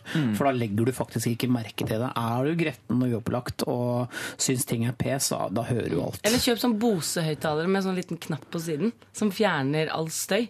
Nei, Da hører du faktisk verre. Er det lyder som, sant? ja, for det tar på en måte vekk det, det, de store støyet sånn på tog ja. og sånn. Så hører du jo ikke, da hører du ikke toglyden, og så togmotoren går, men du hører Fuglekvitteren, liksom. Du hører sm prat Mm. og smatt. og Det- ja. Det kan være faktisk Det er eh, kilde Sov i ro, da. Ja. ja, det gamle gode. Gamle, gode. Jeg hører dere snakker masse nå, og det eneste jeg sitter og lurer på, er uttalelse Bose. Bose? Jeg vet ikke. Bose, jeg tror Bose. det. Hva tror Det- det dere? er jo- Musikeren Jeg tipper Lars, du veit mest om det. Hva ville du sagt? Eh, De pleier å si Bose. De gjør det, ja. De. De folka der. Hva, hvem, hva tror du, da? Nei, jeg har aldri sagt det, men Å, det er fordi jeg ikke veit hvordan det uttales. Det er, så det er enda flauere å si sånn Bose. Ja. det uttales Bose. det er kanskje ikke heller. Men jeg, jeg sier av og til Bose. Du Det er så gøy med de eh, Bose. tingene man bare har lest og aldri sagt høyt. Det er noen folk man har på Facebook som man aldri har sagt navn til. Bare liksom skannet etternavnet deres, så blir det sånn Hun er Marie Ta Ka Snaffa. Og sånn som den motoren som heter Jeg har noen ord som ikke Som i mitt hode aldri slutter. For det bare på slutten så bare gjentar det seg, da. Hva Sånn da, den motoren- Nei, motoren som heter Yamahama Hama Hama. Ja, det, Hvor mange hama er det på slutten? Når slutter det, liksom? jeg har sittet tolv år gammel på Inter alene med Europa og sunget Yamahama, Yamahama. Jeg vet Det dukket opp inni hodet mitt nå. Yamahama Hama. Men jeg trodde helt inntil jeg var kanskje 15 at Paugot og Peugeot var to helt forskjellige ting. Er det sant? Ja. Paugot det var en sykkel. Peugeot en bil. ikke, jeg tenkte ikke over meningen, eh, betydningen av Benelux-landene før jeg var noen og 30. Jeg tenkte sånn, ja det er de, de landene der nede. Og så er det Belgia, Nederland, Luxembourg. Så var det sånn jeg liksom var 38. Aha! Og det Yes. stemmer jo, det er B ned lux. Ja, men altså, Det visste jeg. Jeg Ja, men du visste det, du. Men så skikkelig er jeg noen ganger. Altså. At jeg bare, bare, det ordet jeg bare har hørt og ikke tenkt over i det hele tatt. Men det er litt uh, farfetched fra problemstillinga. Jeg ikke snakka med. Det var de som smatter familie. Men kan det bare Jeg jeg skal ikke late som dette er kunnskap som kommer rett fra mitt eget hode, men vi har snakket om dette med uh, høylytt spising og sånn før, og det fins en slags lidelse som heter misfoni. Som betyr at man hater lyd. Altså, at man har aversjon mot lyder. Det kan jo være en lidelse. At det ikke har noe med familien å gjøre det hele tatt. At han bare uh... Men da tror jeg det har vært flere lyder enn det. Da tror jeg det har vært sånn Å, fuglekvitter. Ah, hater det. Da er du gæren. Barnelatter. Noen er glad. Ja, men Det er litt som å sitte på et fly og et barn begynner å skrike. Så, så Før jeg fikk barn, så kunne jeg sitte og tenke at kan noen bare hive noen av flyet, liksom? Selv om man var høyt oppe. Men nå hører jeg det ikke lenger. Det er, jeg er så vant til det at det bare Barneskrik er det minste problemet. Det er verre med hun som sitter ved siden av meg med tyggisbobler på 45 fra Nord-Norge. Så hun har jeg lyst til å klinke til, liksom. Det, det er mye verre for meg. Eh, så jeg tror bare sånn Jeg vet ikke hva jeg prøvde å si med dette, men jeg tror, jeg tror bare hvis man Uansett masse fine bilder. Kjør på. Ja, jeg, jeg tror men jeg- jeg liker jo med tyggis fra det 45 med tyggisbobler. Ja, og jeg er jo 43, så jeg burde egentlig holde tåta, men jeg burde la på noen år her for å lage det bildet. Gamle. gamle. Hun gamle satt ved siden av meg! Med hubba bubba. Nei, men eh, jeg tror, eh, jeg tror trikset er å være, gå inn der med godt humør og sove litt, og, for da tror jeg det er lettere å håndtere det. Jeg merker sjøl, hvis jeg ikke har sovet natt, så kan jeg sitte ved frokostbordet og være en, en dust, liksom, og, og være fire år sjøl. Fem år. Det er et veldig godt tips. Generelt godt tips òg. Sov mer. Sov mer, gå inn i det med godt humør. Ja. Og tenk, dette er med min familie. Gud, så heldig jeg er. For dette er sutring, ikke sant, Lars? Hæ? Dette er sutring. Litt sutring. Ja, det, ja. ja de, må, må ta tak. Men er det noe lydløs mat? Altså, hva er det, hva, hvilken mat lager minst lyd? Fins ikke. All mat må jo, må jo? Fiskegrateng, kanskje? Fiskegrateng. kan Altså, det må ikke være saus, det må ikke noe slurpete, det må være relativt fast i formen. Men ikke knasende. Potet. Kanskje sånn eh, burrito som du spiser uten bestikk. Du bare pakker inn. Ja. Men da kan det ikke være ting som mais inn, eksempel, som Jeg tror smeller. slapsfrekvensene er eh, høyere der enn på mye annet. Ja. På sånn pakk inn, dytt inn i munnen. Pizza, kanskje? Prøv å finne ut av dette her, eh, tenåring, og så lager du den maten som lager minst lyd. Og så sover du litt lenger, går inn i familiemiddagen med litt sånn lyst sinn. Og så bør du jo for all del Du sier tenåring, altså hvis jeg er 13, så er det jo dust å si dette her, men flytt hjemmefra. Ikke spis samme familien så innmari ofte. For da tipper jeg at noe av irritasjonen forsvinner. Og så må du gjerne oppsøke lege for å finne ut om du lider av misofoni. Det veit ikke jeg, altså. Jeg håper du liker den lyden her. I hvert fall det er Imagine Dragons eh, on top of eh, the world. Lørdagsrådet På P3. P3 Big Bang var det der. Fly like a butterfly, sting like a bee. Jeg skal stille dere et spørsmål, så er det rådgivere. Så dere kan få svare bare kort på uten å utbrodere. Men hvis dere ønsker å utbrodere, så selvfølgelig. Christer Torjussen, godt forhold til svigers. Veldig. Lars Vaular, godt forhold til svigers. Ja da. Ja da. Ja. Jenny Skavlan, godt forhold til svigers. Nei. Jo. Ja. Lange ut. Jo, veldig. Okay. Absolutt. ja. Så flaks da, dere. Her er nemlig en som kanskje ikke har vært så heldig. Hei! Eh, Jeg har en svigerdatter på 25 som er forlovet med min sønn. For å gjøre det hele kort, så er hovedproblemet at hun tar tingene mine. Altså Hun låner ting på badet, som en sprut parfyme, litt hårskum eller en håndkrem. Jeg var ikke helt sikker på dette før, men nå er jeg helt sikker. Jeg har nemlig sjekket nøye hvor alle tingene står plassert på badet, og det er små forandringer etter at hun har dusjet. Pluss at jeg lukter min egen eh, håndkrem på henne blant annet av og til. Jeg har fortalt dette til mannen min, men han syns ikke jeg skal ta det opp med henne eller sønnen min. Jeg syns dette er på grense til tyveri. I tillegg har jeg et annet problem med henne, og det er at hun røyker. Det gjør ingen andre i vår familie. Dette gjør hun også når hun er på besøk hjemme hos oss. Ikke inne selvfølgelig, men ute på altanen. Dette syns jeg er respektløs. Jeg orker ikke å leve slik med en som stjeler og røyker.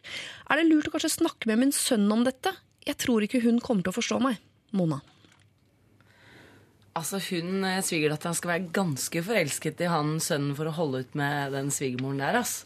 Ja, Det syns jeg hørtes ganske um, brutalt ut. Men det er noen som kan forstå at Mona irriterer seg over at denne svigerdatteren på 25 eh, driver og småstjeler litt sånn uh, sprut parfyme Jeg og et har ikke noe problem med å ta litt håndkrem og parfyme og eh, hårskum når jeg er på badet til ca. hvem som helst. Hva heter svigermoren din? Eh, da, er jeg, da er jeg ty, da. Herregud, det ante jeg ikke. Jeg har heller ikke problemer med å låne litt håndkrem og sminke og sånn av svigermora mi, så jeg forstår det jo veldig godt. Men jeg, jeg, hvor gammel er hun her det? 25 pluss, i hvert fall 20, da. Så fra 45 til 65. Ja, for jeg føler at det er sånn At hun er dobbelt så gammel. Ja. Da må det være Det må være dobbelt så mye eh, rom til å gjøre feil, føler jeg. Mm. Altså, hun skal være den som, som sier at det er helt greit at du tar, eh, tar noe håndkrem. Men Det er helt kult, det. kunne hun ha spurt? Kan jeg låne ut håndkrem, eller er det OK at jeg Det syns jeg. Man Ja, kan jo. ja, det for, ja, ja, ja, hun Nei, kunne jo det syns jeg ikke man trenger. Om man går eh, er på badet, la oss si man vasker hendene, og så står det en, en håndkrem der. Skal gå ut og bare Du, jeg lurte på, kunne jeg tatt en liten uh, dert.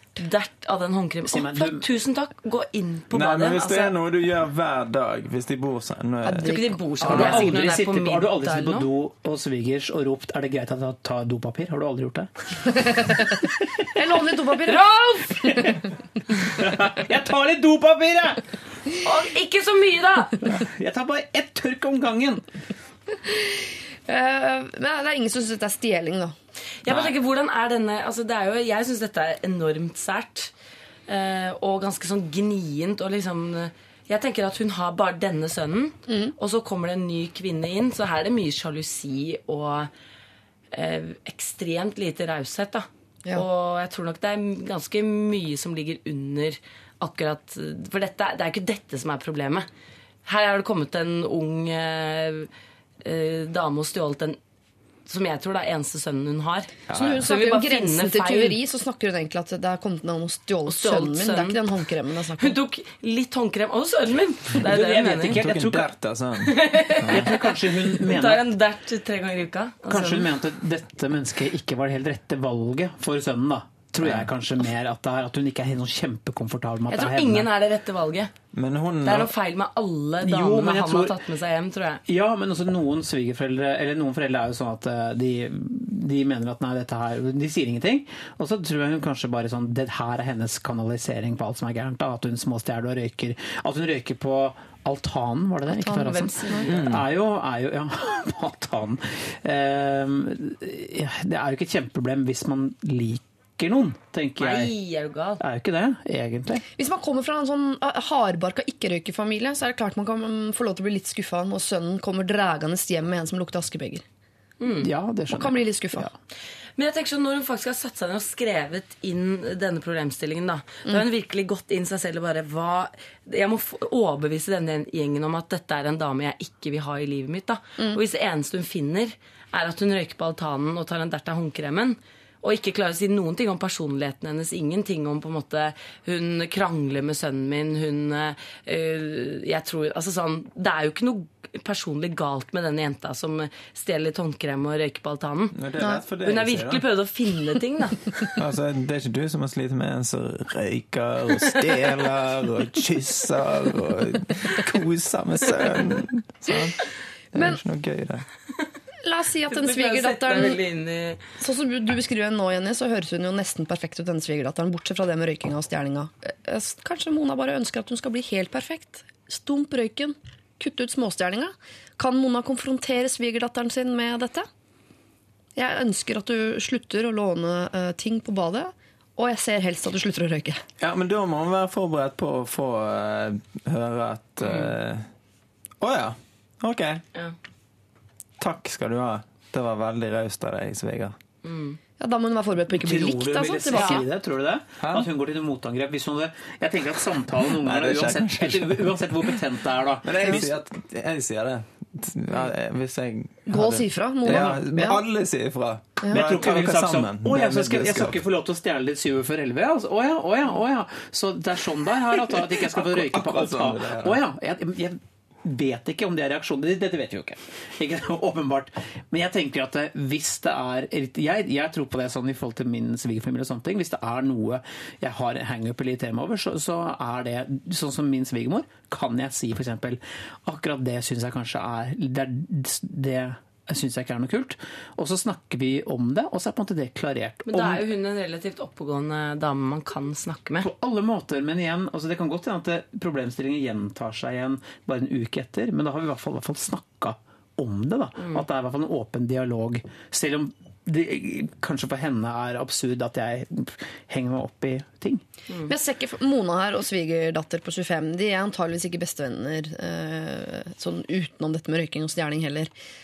Hvis Mona går til svigerdatteren sin og konfronterer henne med dette, så ser jeg for meg at reaksjonen fra svigerdatter er at hun eh, sier å herregud, unnskyld, at hun kryper altså, inn i skallet sitt, går til sønnen, baksnakker. baksnakker. Men det er game on hvis hun uh, sier fram det. Og la oss si at uh, sønnen til Mona frir, og vi snakker om mange mange år her. Det der De er forlova, så bli... det har han gjort. Det er, de er forlovet òg, Ja, ja, ja, ja. Å, herregud. Det der blir, kommer til å bli stygt, ass. Det Ja. til å bli kjempestygt. Ikke tale opp i talen i bryllupet. Her kan det være et konkret tredje verdenskrig, det greiene der. Ja. Såpass. Nei, det er overdrevet. Men jeg gjør det noen ganger. Si fra. Men eh, kan, vi må prøve å hjelpe Mona litt her, for det er Mona som sender inn problemet. Og jeg tenker at Mona kanskje kan se på det som et slags kompliment. At hun ønsker å bruke din håndkrem. Hun syns parfymen din lukter godt. Hun føler seg såpass komfortabel i ditt hjem, som du sikkert har møblert og valgt ut fargene i. Og plantet bed utenfor osv. Hun ønsker å dusje der, hun. Altså, hun er så komfortabel i ditt hjem og med dine produkter. Eh, at, at Du må bare ta det som et kompliment. Ja, jeg syns egentlig at eh, de virker som en veldig lykkelig familie. Alt er vellykket hvis hun bare sier ja, kjekt at du har lyst til å bruke det samme som meg, da. Ja, Jeg kan jo nå kan vi lukte det samme. Nå Ja. er vi en sammensveiset Men jeg forstår jo også henne i forhold til det å ta seg en brødskive hos eh, en familie. er på en måte, Det er alltid greit. Stort sett liksom å gå kjøleskapet. Men så straks jeg mener sånn, For oss en kvinne som har et, eh, et arsenal med forskjellige produkter, da, eh, så er det på en måte Mange tar vel kanskje eierskap til 'dette er mine produkter'.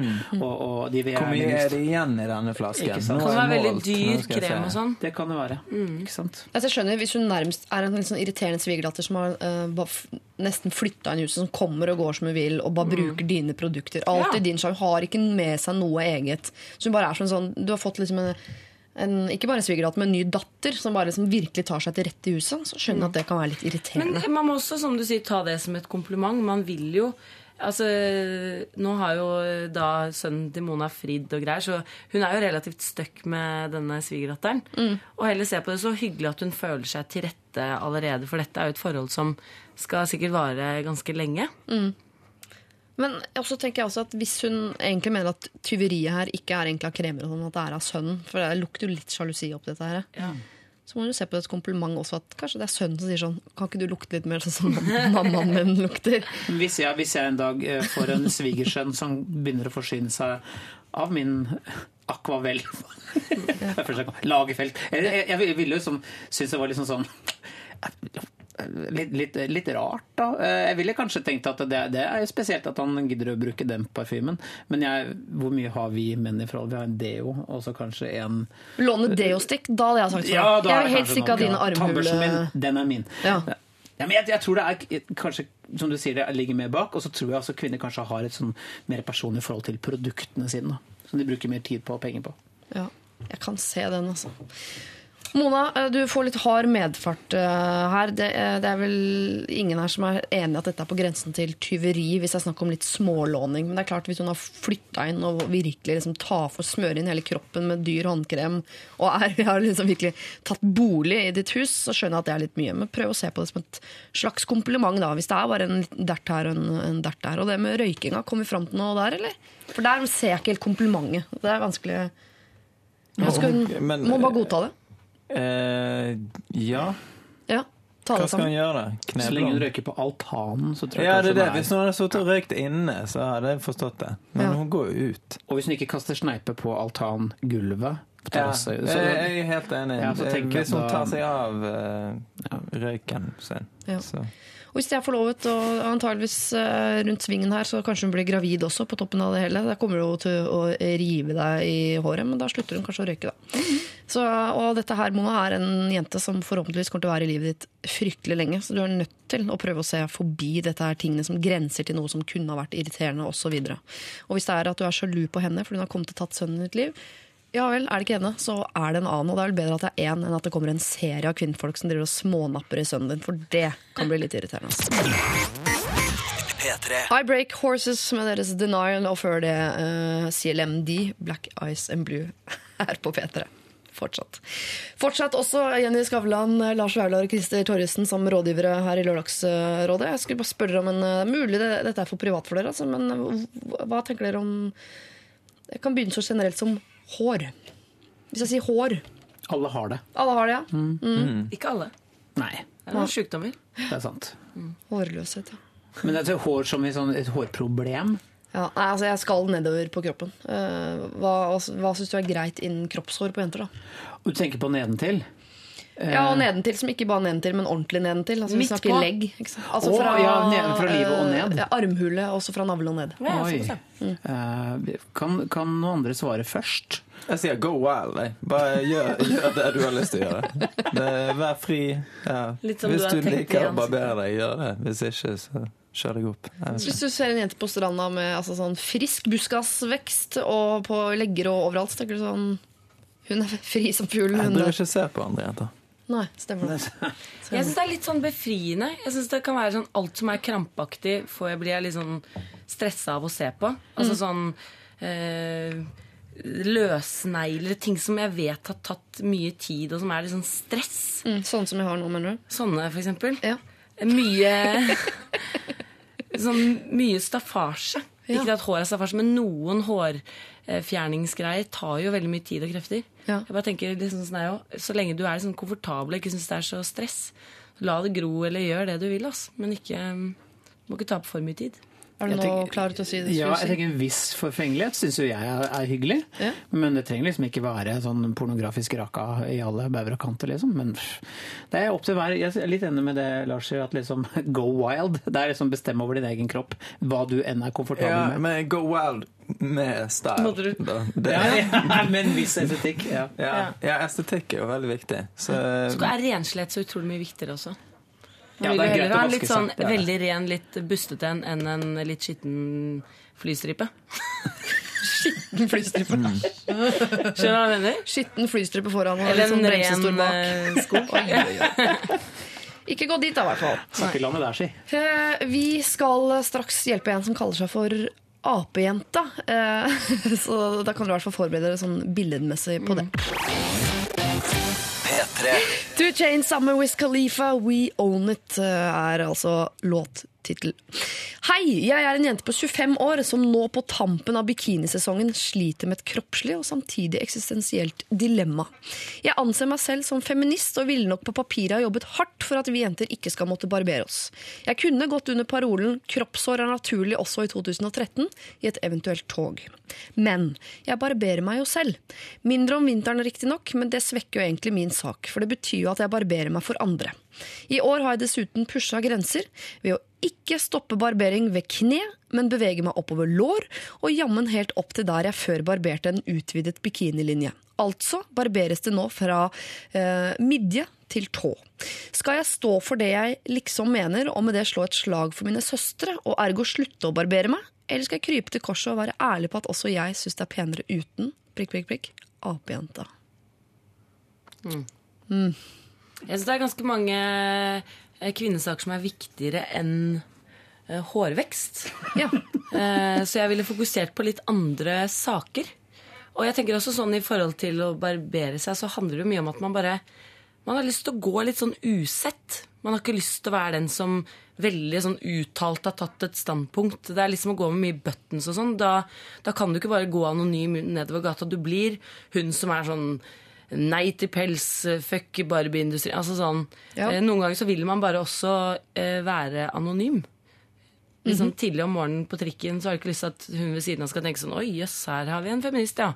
For her er det mye hår ute og går og sånn. Det trenger ikke å være et tog hver gang du er ute og går. Nei, Altså, du kan også bare Du kan heller finne saker som kanskje er hakket viktigere, og så heller komme med de når du prater, istedenfor at hele kroppen din skal eh, fortelle hva du mener om ting. Så hun kan bevare feministen i seg og likevel barbere seg? Ja, det er veldig Absolutt. typisk at noe som på en måte skulle være liksom protest mot eh, et skjønnhetshysteri, eller noe utseendemessig, blir til et utseendemessig problem.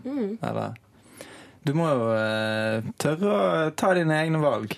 Det Men må hun på en måte fortelle folk at du Jeg tenker liksom, Er ikke det hennes sak? Er det viktig for henne å si at vet du hva, jeg, jeg er også blitt sånn nå, bare Unnskyld meg, søstre, men jeg tror jaggu jeg har barbert meg, jeg, gitt. Altså, Hun gjør det til et større problem enn det det er et ilandsproblem. det det er helt feil fokus for henne. Ja. Ja, hvis hun først nå er en av de som liker å mene at uh, man ikke skal barbere seg, eller i hvert fall at ikke det skal være et must, så hadde det jo vært deilig om noen av de liksom gikk i bresjen, som min mor pleier å si.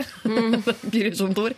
Ja, og var litt sånn martyr på det. Da, sånn, og viste masse kroppshår bare for å være en motvekt til det hårløse på stranda. Men jeg føler kanskje at eh, hun, eh, hun liker å mene det, sånn som du sier. Det er ikke sikkert at hun faktisk mener det. fordi hvis du virkelig innerst inne mener det, så dropper du å barbere leggene dine. Men kanskje hun er i en gjeng og et miljø hvor det er litt sånn kult og viktig å mene de tingene, og dermed også da droppe å barbere seg. Men hun sa jo hun barberer seg for, eller hun, for andre og ikke seg selv. Ja. Det er vel Vi liker jo å si at jeg sminker meg for meg selv, og Jo, sånn, men men hadde det ikke vært vel- en annen på jorda, så hadde det jo litt Men det fins jo de som også da bruker en høvel for at de føler seg bedre.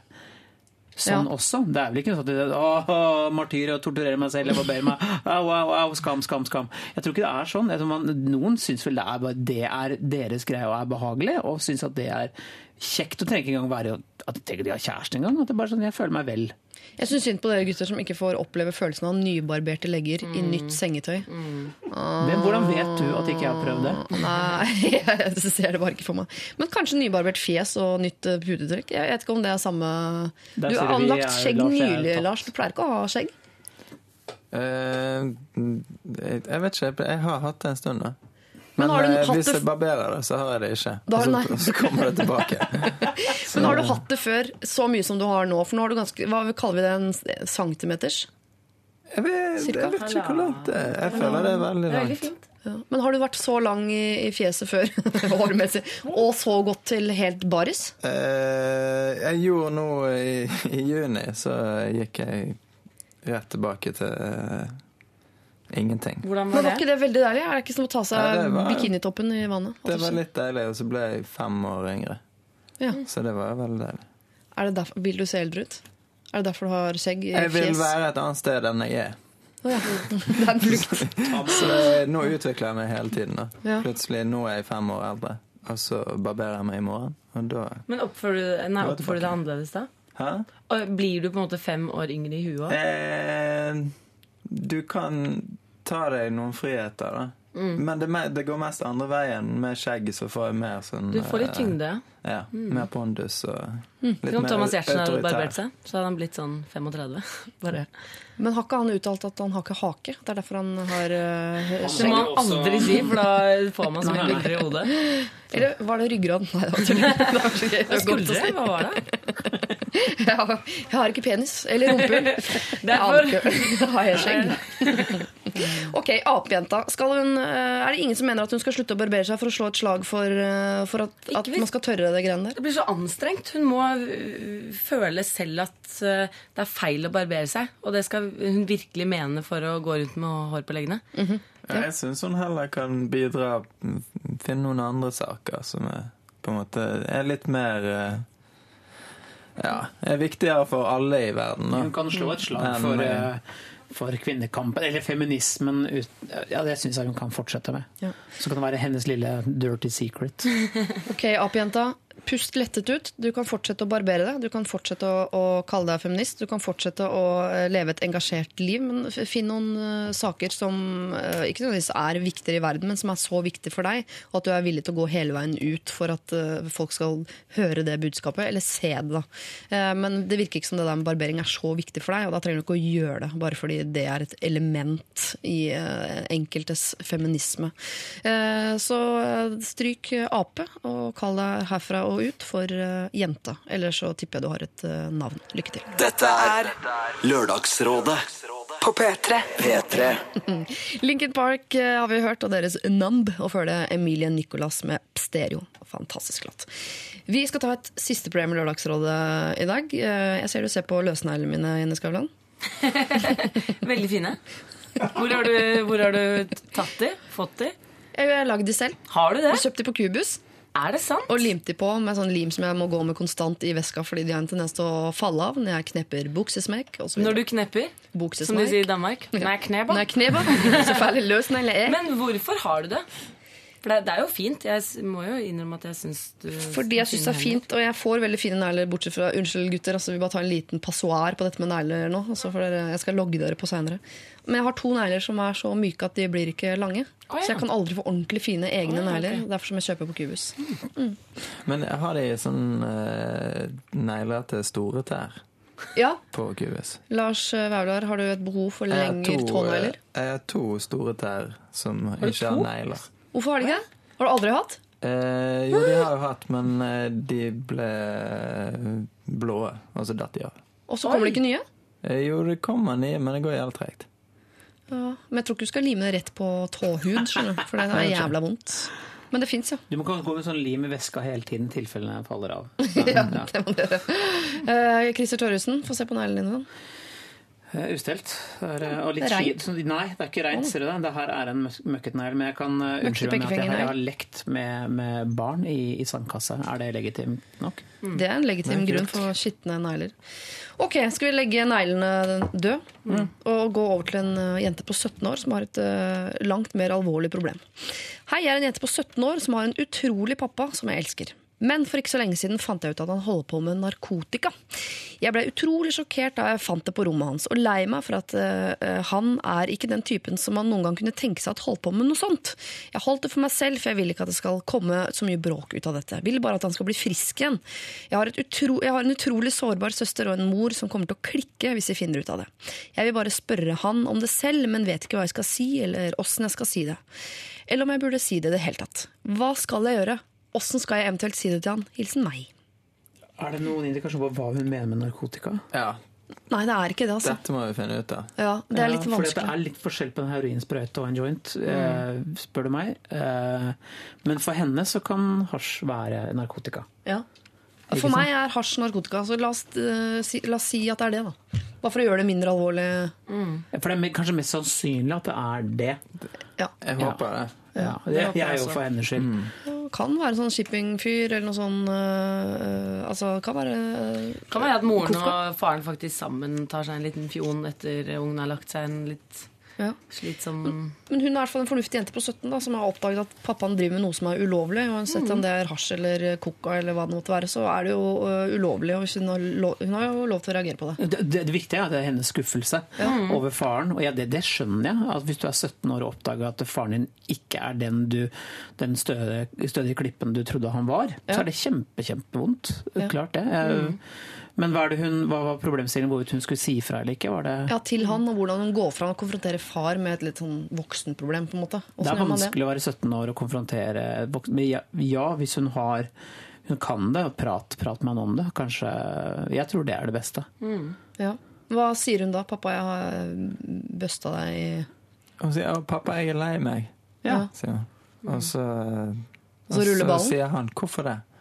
Og så sier hun «Eh, 'nei, jeg eh, fant eh, denne heroinsprøyten på rommet ditt'. Eller noe annet. Ja, eller noe annet så jeg ikke helt vet hva er. Og så sier han eh, 'jeg har diabetes', og det der er insulinsprøyta. Ja, og så- ja, og så ja, sier han nei, Ja. hva skal jeg gjøre'? Eller så kanskje pappa eh, Dette er jo ikke noe hyggelig del, men kanskje pappa har fått kreft og faktisk har fått hasj som medisin. Altså, Man vet jo ikke, så uansett burde bare ta det opp. Kanskje det er en naturlig forklaring. Hva hadde du setter sett dere eh, 15 år fram i tid, da? Og så kommer barna deres og konfronterer dere med noe sånt. 17 for din del, eller, Jenny, eller Eller 18, tilbake. 19, Jeg kan gå tilbake og tenke at det er faren min i stedet. Det Ja. er nærmere, kanskje. Ja. Pappa, har funnet sprøyter på soveværelset. Jeg er lege. Å ja. Ha det. Men hvor komfortable hadde dere vært med at barna deres konfronterte dere med noe, et alvorlig voksenproblem? da? Og jeg tror jeg ville blitt så Hvis, hvis jeg hadde måttet blitt tatt på det, så ville vært, jeg ville vært helt knust. For jeg ville jo ikke være han han eh, jeg, jeg, Nå sier jeg hasjpappaen, da. Jeg, jeg, kanskje fordi jeg innbiller meg at det er det. Jeg håper det.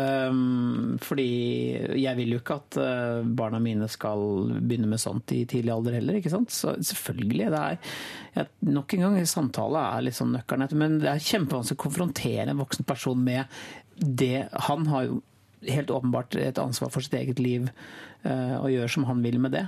Men du vet at det er liksom uff.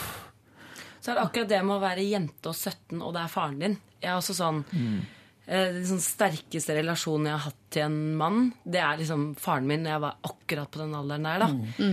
Og det er liksom, Han er den som har fått meg til å grine flest ganger. og liksom, Det er så utrolig sensitivt. da. Eh, og så tok det noen år, og så plutselig ble jeg voksen, og så, var, og så er de voksne, og så er man bare en gjeng med voksne. Og da kan jeg jo, da ser jeg på dem på en helt annen måte. Nå er det liksom sånn, nå skjønner jeg at de er voksne som gjør feil, og eh, det er liksom baksnakken i den gjengen, og det er liksom eh, Det er skuffende å merke at de er akkurat som oss. Det ble så skuffa. litt deilig. Åh, Men akkurat før du kommer til det, så er de liksom satt på en sånn gudestall, og du Akkurat sånne ting som det der er vanskelig. ass. Det er sånn, jeg hadde en far med et eh, stort alkoholproblem, og det er kjempevanskelig å, å snakke med eh, opphavet ditt om det. Fordi for, for de fleste alkoholikere så har ikke de et problem. Ikke sant? Nei, de bare koser seg. Ja, For det må man være forberedt på at han kan være uenig med Og- henne i at dette er problematisk. dette, er- han er sikkert kanskje ikke et problem i det hele tatt, men for henne er det jo det. Og han, Mm. han kan jo heller ikke sette standard for hva hun bestemmer og hvorvidt det her er et problem eller ikke. Fordi hvis du avfeier et barn og sier sånn nei, men det her er noe pappa bare gjør, så, så det, det må man jo ikke gjøre. Man må jo lytte og, og høre på det. For at det her handler om hennes følelse og relasjon til kanskje som du sier, kanskje den sterkeste relasjonen hun har til et voksen menneske. Og det er svik, da. Det er det det oppleves som, tror jeg. Men er det ikke jævlig bra hvis hun sier fra? For jeg tenker at Det har vel en større effekt om barnet ditt sier fra enn om kona sier fra. Fordi kona er så vant til å krangle med at da kan du på en måte si sånn, det skal ikke du blande deg i, og kom deg ut på kjøkkenet igjen osv. Mens hvis barnet ditt kommer inn og sier at 'jeg er lei meg, jeg er skuffa', og du har, altså, så må vel det stikke litt dypere. Ja, og jeg tror at eh, hun på en måte ikke skal tenke over at eh, han kommer til å bli litt såret fordi at hun tar det her opp. Nei. Hun må jo bare egentlig tenke på seg sjøl, for det er hun som lurer på hva, hva betyr dette. Um, så jeg, ja, jeg syns hun skal ta det opp, men mm. uh, jo, men, men ja. du sier sånn eh, at det er et problem. Uh, Hun nevner jo ingenting om at eh, det går utover hun eller familien på noen måte. Nei, Hun sier jo derimot han er en utrolig pappa som jeg elsker, så han er en velfungerende fyr. Ja. Ja. Jeg tror det sterkeste hun kan gjøre, istedenfor å konfrontere han face to face, skrive et brev. Jeg tror Hvis jeg hadde fått et brev fra datteren min som sa 'jeg er så redd for det du gjør nå', jeg, åh, jeg, ville, jeg, ville, jeg ville blitt knust, og så ville jeg kanskje tatt meg sammen veldig og tenkt at det her er fall noe jeg skal skjerme de mot. Da. Hvis du fikk et brev nå fra datteren din på to, så hadde du vel blitt bitte litt Det hadde blitt uh, overraskende, og jeg, men jeg hadde blitt like knust selv. Jeg hadde Jeg har alltid kjørt brevtaktikken, for jeg er veldig Flink Ikke nødvendigvis så ekstremt flink til å skrive brev, Nei, men jeg er ikke så flink til å ta opp ting Nei. Hva var det i hvert fall ikke når jeg var uh, yngre. Og jeg visste at jeg begynte, og så begynte jeg å grine, og så fikk jeg aldri sagt det jeg skulle si, for jeg bare hadde en sånn En sånn hiksting. Så jeg har skrevet brev til liksom begge foreldrene mine um, om ikke akkurat disse tingene, men jeg krasjet scooteren til faren min en gang. Uh, på vei til sånn, Jeg skulle kjøre Vespaen hans til en sånn lagring over uh, vinteren. Og på vei til den lagringen så krasjet jeg ganske kraftig. Jeg kom eh, helskinnet fra det, men scooteren var relativt vraka. Eh, og måtte innrømme dette for far da, i løpet av vinteren, og sleit. Og det ble mer, mer og mer vår. Og far var sånn ja, nå er det ikke rim på bakken, jeg lurer på om jeg skulle ta ut scooteren. Jeg var sånn nei, det tror jeg. Jeg så faktisk at det var.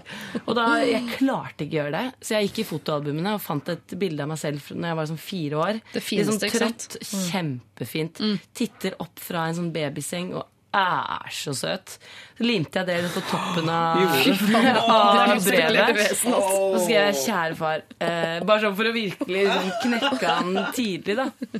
Eh, Det funka vel? Det funka som bare det hadde. Og skrev da Jeg har ja, krasjet og bla, bla, bla. Så, brev, Hva var resultatet av det, da? At Jeg måtte dere- betale. Ja. Men uh, han, ble, var han ringte meg og var bare sånn «Jenny!» Hva? Så det Du skal betale. Du skal betale. du skal betale. Men uh, det var veldig deilig å skrive et brev. Men det er veldig lurt å skrive et brev, spesielt når, eh, når du, sånn som i dette tilfellet, skal si noe til noen som kommer til å komme i forsvarsposisjon ganske kjapt. Fordi da eh, da er det ingen som husker alt det der, ja, det du skal si, eller de svarer ikke på det du sier. Eller de skal kanskje ikke svare engang, de skal bare høre det du sier. Så, så det er veldig greit å bare skrive det ned, så kan, du, kan eh, vedkommende sitte og lese. Og, Lese det om igjen og gå Ja, i seg sjøl ja, Han får ikke stoppet deg, liksom. Han leser jo hele brevet, og kanskje han tenker en runde eller to, og så kommer den ene reaksjonen, og så kanskje den riktige reaksjonen. Så eh, kjære jente 17, eh, med en utrolig pappa som du elsker. Eh, det jeg hører her, og som jeg stiller meg helt bak, er at du skal skrive et brev til pappaen din. Og du må gjerne bruke Jenny-taktikken. Finn fram et sånn nydelig bilde av deg selv med dådyrøyne som titter opp, osv. Og tegne på en joint på bildet. Sånn, vil du sette meg Altså sånn. Ja. Du kunne også Altså kjørt sånn motsatt stativ. Hvordan ville du sånn. reagert hvis du fant eh, narkotika på mitt rom? Eller Åh. Hun er bare 17. eh, jente på Ja. 17 har begynt med det. Søtt bilde av seg selv med tegna joint i munnen og skrive Ja. sånn 'Du var mitt forbilde', for eksempel. Sprøyte tinninga, så er det sånn Men det er mange, jeg, vi gjorde det med moren min prøvde å slutte å røyke. Som hun også da klarte. Men da var vi rundt på den alderen der. Og da var regelen sånn hvis hun begynner, så begynner vi. Ja. Um, sånn, Og da slutta hun. Mm. Ja. Å, fy fader. For hun har datter og Herregud. Eh, eh, jente 17, jeg vet ikke om du har eh, så mye bein i nesa som Jenny Skavlan. du tør å sette så hardt mot hardt, men eh, brev er i hvert fall det ordet jeg virkelig synes jeg hører høyt her. Du er nødt til å skrive et brev til eh, pappaen din. Og skriv også da en Vi vil helst ha mail, vi, da, hvis du det er mer ryddig. Så sender du en mail til oss i etterkant hvor du sier hvordan det gikk, hvordan pappaen din tok det, og åssen det går med både deg og han i etterkant av dette her. da. Send det oss. Eh, Vår adresse er jo da fortsatt lralfakrøll.nrk.no. Justin Timberlake eh, var det der, og hans Mirrors. Og tiden er inne for at vi skal dele ut en T-skjorte. Dvs. Si dere. Jenny Skavlan, Lars Vaular og Christer Torjussen. Eh, Jeg skal si hvem som er dagens kandidater til eh, P3-T-skjorte. Det er selvfølgelig hun som nå uh, får eksen sin som nabo. Ja, den eksen som dumpet henne til fordel for en eh, venninne for noen år siden. Og så har vi dette paret som har vært gift i to og et halvt år. Nå har de skilt seg, og det har kommet dem for øre at en del av eh, gjestene i bryllupet vil ha tilbake eh, bryllupsgavene, i og med at det varte så kort. Så har vi eh, jenta som mentalt eh, betegner seg selv som en fireåring. Hun må være med på alt. Hun har ikke sjans til å si nei til noe som helst som foregår. Og hvis hun er hjemme en kveld, så knasker hun kun smågodt og ser på dårlig TV. eh, Og håper at det ikke skjer noe der ute. Så har vi da denne unge tenåringsgutten som holder på å klikke fordi han syns det er så slitsomt med spesielt da familien som lager mye lyd når de spiser, og vi ba han da flytte hjemmefra. Vi har også svigerdatteren fra helvete. Det glemte jeg for så vidt å si, men da denne Mona eh, kalte svigerdatteren sin for svigerdatter fra helvete, det var overskriften i mailen hun sendte oss, fordi hun lånte en del ting på badet, krem, parfyme osv., og, og så røyker hun. Stjal, ja. og Og så røyker hun også på altanen. sønnen. Ja. ja, det var en lang rekke av eh, sønnen. ulovlydighet. Ulovlydighet. Går det an å si? Nei, vi går videre. Og så har vi da apejenta. Hun eh, ønsker og er eh, feminist, eh, men hun ønsker også å barbere leggene og lurer på om de to verdenene lar seg kombinere. Og til slutt her altså 17 år gammel jente som har ferska far i å bruke narkotika. Vi vet ikke hvordan type narkotika, men hun ønsker da å konfrontere han med det, og vet ikke helt hvordan. Vi foreslo brev. Eh, hvem Det er ikke noen regler for hva som er, liksom, eh, hva som er grunnen til at folk skal få T-skjorte. Bare en eller annen har lyst til å gi T-skjorte. Jeg syns at eh, hun som eh, måtte gi til, eller ble bedt om å gi tilbake bryllupsgavene, hun uh, syns jeg kan få en T-skjorte. Ja, for den kommer ikke vi om å be den Nei, den, den skal vi ikke ha tilbake. Så kan vi sende mail og be henne inn tilbake neste. Ja. For nå gjelder det ikke ditt eh, problem lenger. Ja. Nå er problemet løst. Problemet ditt ble løst veldig raskt. Ja, det er absolutt en kandidat. Jeg syns hun som har flyttet eh, Nei, som da hvor eksen har flyttet inn i naboleiligheten. Mm. For da hvis hun går ut, møter i gangen med P3-T-skjorte, så tenker de oi, kanskje hun har sendt inn et problem til Lørdagsrådet. Hører på Lørdagsrådet. Ja. eh, Skjønner at vi burde bare flytte herfra. Kanskje kan løse ting. Eller kanskje de tenker også oi, kul jente. Tok jeg feil den gangen for hun fire år hører på P3. Ja. Hun har sendt inn noe greier. Mitt hjerte banker for eh, jente 17 med narkopappa. Det gjør det. Jeg tror liksom det er den tyngste Er det det eneste problemet her eh, som, ja, jeg jeg, syns som jeg hun på en måte har et, sånn, et, jeg synes hun synes har et stort problem Ja. eh, som, som må løses. Jeg syns at hun skulle få T-skjorte. det eneste som jeg har egentlig skikkelig sympati med. Ja. Ja. Det var deilig at du fikk opp, eh, fikk opp sympatien på Ja, men eh, de andre må på en måte ta litt mer tak, da. Men Ta hun, hun, eh, hun eh, ja. tar seg sammen. Skjerpe seg. Ja. Alle de De andre må skjerpe sitter bare og lager eh, radioprogram, de. Sitter og skriver Og takk for de. Ja, Ja. det er greit, det, men Dere må bli enige, altså. Eh, Men jeg syns absolutt jeg er en god kandidat. Da. Ja, og Jente 17 tror jeg blir veldig glad for en T-skjorte òg. Når man er 17. Ja. Ny T-skjorte. Topp stemning. Ja. Da snakker vi rosa, eller? Sa du topp stemning? Ja. Er det sant? Ja, er det der tilbake? Eller? Det er det det? Har du vært ute? Jeg vet ikke. Ja, fordi, Jeg tror jeg er med på den andre runden av toppstemning. fordi Jeg var ikke med på første, som var kanskje i 1994. Hege, som jeg er gift med, der er det toppstemning. Det Er er det? mye av det. Så det er du og henne jeg vet om nå som bruker ordet toppstemning. Og eh, kanskje alle som hører på, kan vi innføre et nytt uttrykk? Jeg trodde det ble brukt mye hele tiden. så jeg hører det hele tiden da. Toppstemning gjerne med tommel opp også. Toppstemning, mm. Men ikke skyte. Ikke skyting. Det gjorde dere i sted. Da tenkte jeg sånn gamliser, altså. Ja, eh, jeg har lært på mitt favorittprogram, Cougar Town. Som ikke går på Bliss, da. Ok, Nok om det. Det blir en eh, T-skjorte til deg, 17 år gammel eh, jente, men da må du love oss at du selvfølgelig sender dette brevet til din far, og en mail til oss i etterkant. Eh, tusen takk til dagens uh, rådgivere. Det har vært en, ja, vært en fortreffelig aften for morgen sammen med dere. Christer Torjussen, Jenny Skavlan og Lars Vaular. Ha en fin lørdag videre.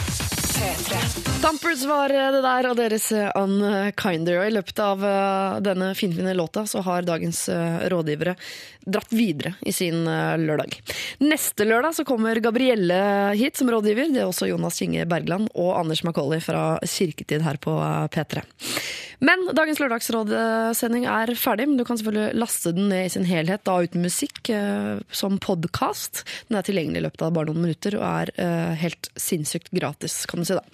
Og problemer tar vi gjerne imot. Eh, Da bruker du adresse lralfakrøll.nrk.no. Det er også dit du sender tilbakemeldinger hvis du har fått råd eh, og vil fortelle oss eh, hvordan det gikk, om det gikk bra når du brukte disse rådene, om du ikke brukte rådene, eller om du brukte de og det rett og slett gikk til helvete. Det er greit å vite. Kos deg også på vår Facebook-side. Der ligger det bilder fra dagens sending. Både et finfint gruppebilde og noen in action-bilder, som jeg har lært at det heter på fotospråket. Da gjenstår det bare for meg å si takk til dagens produsent og tekniker, som er eh, som vanlig Dr. Jones. Og si at eh, videre i din P3-dag så er det da Radioresepsjonen som er ditt eh, følge de neste timene. Og nå opp mot nyhetene så får vi siste nytt fra Kings of Leon. Dette her er Super Soaker. Takk for i dag! Dette er Lørdagsrådet På P3. P3. Hør flere podkaster på nrk.no podkast.